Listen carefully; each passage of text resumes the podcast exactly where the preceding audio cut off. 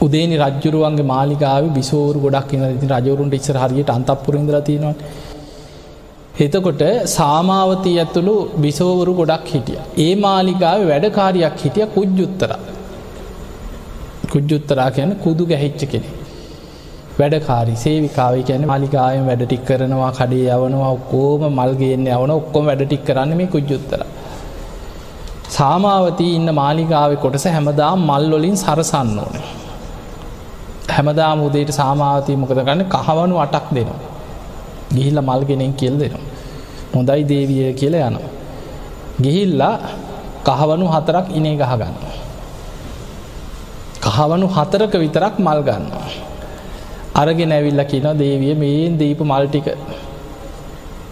කියලා ඉතින් ඔය ටිකෙන් සරසන. එතකොට ගුජ්ජුත්තරා කොහොම කෙනෙද නිකං අවංකව හිතා හිරත් නෙමෙයිද. කහවනු වටෙන් හතරක් ඉනේ ගහගන්න. ඊළඟට බොරු කියනවද නැද දැගේ ඒක වහගන්න බොරුත් කියන මල්කාරය මෙච්චරයි දුන්න එක බොරුත් එතකොට පන්සිල් තිබ්බද නෑ. දවසක් මල්ගේන්න යනකොට වෙළඳ පොලේ එදා සුමන මල්කාරයාගේ නිවසේ මල් නෑ. ඊට පස්සේ හොයල බැලින්නම් බුදුරජාණන් වහන්සේ ඇතුරු සංඝයා දානකට වැඩලා. නිවසට ඒ වෙලාවේ ගිය කමක් නෑ දැන් අද ආපහු ඇල්ල ගියෝ තර කහවනු හතරන්න නැති වෙනවා. මල්කාරයගේ ගෙදර ගිහිල්ලා එලිය අයිනක වාඩලා හිටිය ඔය පින්කම ඉවර වුණට පස්සේ තියෙන මල්ටිකමං අරගෙන යනවා කියලා හිටිය. එදා බුදුරජාණන් වහන්සේ දානය වළඳලා බුක්තානු මෝදනා ධර්ම දේශනාවිදි බුදු ඇසින් බැලුවා හද මේ පිරිසාත්තර ධර්මාවබෝධය ලබන්නේ කවුද කියල බැලුව. බලනකොට අර කෙලෝරක අයිනක වාඩි වෙලා ඉන්නවා මල්ටික ගෙනියන්න අප කුජ්ජුත්තර සෝවාන් වෙන්න පින තියෙනවා. දැම් බලන්න දානට ආරාධනා කරපු මිනිස්සුත් නෙමේ. දානදීප අයත් නෙමේ. බණහන්න වාඩි වෙච්චායත් නෙමේ. එදා නිවන් දකින්න පින තිබ්බේ අර මල්ටිකාරගෙන යන්න ඒකනු කිය හරි හොරකං කරගන්න බලාගෙන ආපු කුජ්ජුත්තරාට පෙර සසර පින තිබ්බා. බුදුරජාණන් වහන්සේ කුජ්ජුත්තර අරමුණු කරගෙන දහම් දෙසවා බණහල අවසන් වෙනකොට සුවාන් පලට පත් වුණ. දනිස් දෙකින් වැඳගෙන වැඳගෙන ඉස්සරහට ඇවිල සිරිපතුල් ළඟ නලල තියල වැඳ. ස්වාමීනී අද පටම් මම් දිවිහිමියෙන් බුදුන් සරණයන. ධර්මය සරණයනවා ශ්‍රාවක සංඝයා සරණයන. මේ ධර්මය හරියට වහපු දෙයක් ඇරල පෙන්නවා වගේ. අන්දකාර හිටපු කෙනෙකුට ආලෝකයක් පහල කරා වගේ.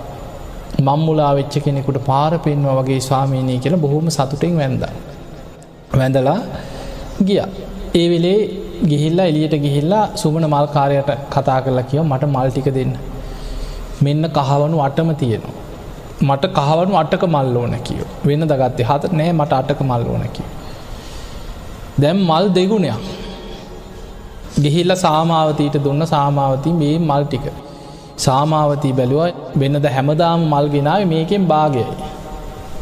ඇත්ත කියාපන් කියව මෙච්චට මල් ගොඩක් කොහෙන්ද? ඊට පස්සේ දැන් සෝවානුනා කියන්නේ ආර්ය කාන්ත සීලයකින් යුක්ත. වෙන ද හොරකං කර දැන් හොරකං කරන හරියට කහවන් වටේම මල් ගත්තා. ඇත්තම කීව දේවිය මං ඉස්සර හොරකං කරා. මං ආය කවදාවත් හොරකං කරන්නේ කියව ඊට පස්සේ දැන් දේවියයි අර අනිත් අය යහගෙන හිටිය මේ මොකද? මේ වුණේ මං ඉස්සර හොරකං කරා මං ආයි හොරකං කරන්නේ මං ආයි බොරු කියන්නේ නෑ මොකක්දම් වේ මේ වෙනස කියලැහු. ඒ අහපු වෙලාවේ අත් දෙක නල්ලට අරගෙන බුදුරජාණන් වහන්සේ වැඩඉන්න දිසාවට හැරිලා බුදුගුණ කියලා වන්දනා කරලා කියන මට බුදුරජාණන් වහන්සේගේ ධර්මය අහන්න ලැබුණ. මං බණ ඇහුවා මගේ ජීවිතය වෙනස් වුණා මං සීලේක පිහිටිය. එතකොට සාමාවතී ඇතුළු පිරිස කියන අනේ මටත් ඒ බණපදයක් අහන්න සලස අනේ අහපු බණටික එක ගාථාවක් හරි මට කියන්න කියව. ඒ වෙලාවේ කුජ්ජුත්තරා කියන දැන් කුජ්ජුත්තරා ගැන වැඩකාරි. දැන් කවුද මේ බණ කියන්න කියලා අන කරන්නේ. රජ්ජුරුවන්ගේ බිසව. කුජ්ජුත්තරා කිව කියන ඕන දෙයක් කරන්නම් කඩයන්න කියෝ කඩයන කුණු අදින්න කියෝ කුණු අදී. තියෙන ඔක්කෝම වැඩ ටික කරනවා. හැබැයි බණ කියන්න නම් බෑ කියෝ. බණ කියනවා නං මාව සුවද පැංගොලින් නාවන්න කියව. වටිනා සලුවක් දෙන්න කිව මට ගෞරෝනි මේ වැරහැලි ඇඳගෙන බණ කියන්න ඇකි ධර්ම ගෞරවයක් තියෙන්න්න ඕනැකි. උස් ආසනයක් පනවන්න කියෝ. මං උසාසනයක වාඩි වෙලා බණ කියන්නම් රජ්ජුරුවන්ගේ බිසෝවරු වනත් බිම ඉඳගෙන බණහන්න කැමති නම් බණහන්න කියව. එතකොට බලන්න කාගෙද දැන් නීති ටික? කුජ්ජොත්තරාගේ. ඔළුව ඉදිමිච්ච බිසෝවරු එහෙම හිටියනන්නේ? එතනින්ම ඉවරයි. තියාගනින් උබේ බණ කියල ගහල් පන්නන්න ඇදෙන හැ පෙර පින තිබ්බා. සාමාවතී ඇතුළු පිරිසට පින තිබ්බා. ඒ අයත් කල්පනා කර ඇත්තනයෙන්නම් එහෙනම් මේ නම් මහා උතුම් ධර්මයක් වෙන්න ඇති. කට්ටියම එකතු වෙලා සුවඳ පැංගොලින් නෑව්ව වටිනා සලුවත් දුන්න මෙන්න ඇඳගන්න කිව. උසාසනයක් පනෝල පන්සිය දෙනා බිම වාඩි වෙලා කිවනේ කුජ්ජුත්තරාවනි ඒ ධර්මය අපිට කියන්න කියව. ආසනය ළඟට ගිහිල්ලත් බුදුරජාණන් වහන්සේ වැඩඉන්න දිසාාවට හැරිලා බුදුගුණ කියල වැන්ද. වැඳලා අර අහපු බණටික විස්තර කර කර විස්තර කර කර බොහෝම ලස්සන්ට බණකිව. ගිහි ශ්‍රාවකය අතර බුදුහාන්දුරන්ගේ දේශනාවල තියෙනවා. සෝවාන් වෙනකොට සිව් පිළිසිම්බියා ඥාන ලබලතියන බුද්ධ ශාසනය පස් දෙනයි කිය ශාසනයටම. පැවිද්දන්ගේ ආනන්ද හාමුදුරු සෝවාන් වෙනකොටම සිව් පිළිසිමියා ඥාන තිබ්බ කිය. ගොඩක් රහතන් වහන්සේලාට රහත්වෙනකොට පිහිටත්. ගිහි අයගෙන් කුජ්ජුත්තරා කියන්නේ සෝවාන් වෙනකොට සිව් පිළිසිබියා ඥාන ඇතුව පහළ වෙච්ච පිනක් තිබ්බ. පුංචි බණපදයක් ඇහුවනං ඒක විස්තර කර කර ලස්සනට කෙනෙකුට තේරුම් කරමින් බණ කියන්න දක්සයි. අර්ථ ධර්ම නිරුක්ති පටි බහන කියන සිව් පිළිසිබියා ඥාන ඇතුව ධර්ම දේශනා කරන්න පුළුව. බනහලා ඉවර වෙනකොට සාමාවතී සාධකාරයක් දී ලකිව්වා කුජ්ජුත්තරාවනි අද ඉඳං කහවනු දාසයක් දෙනවා කියෝ. කහවනු අටක් ඔබ තියාගන්න කියෝ. කහවනු අටක මල්ගේෙන්. අර කහවනු අට තමන්ට දෙන්න දේ ඒක ඔබට දෙන්නේ ඔබ අද වගේ බල්ගේන්න ගිහිල්ලා මල් විතරක් කරන්නෙන් නැතු බුදුරජාණන් වහන්සේ කොහිද වැඩඉන්න කියලා හොයාගෙන ගිහිල්ල එදා දවසේ උන්වහන්සේ දේශනා කරන බණපදය අහගෙන එන්න කිය.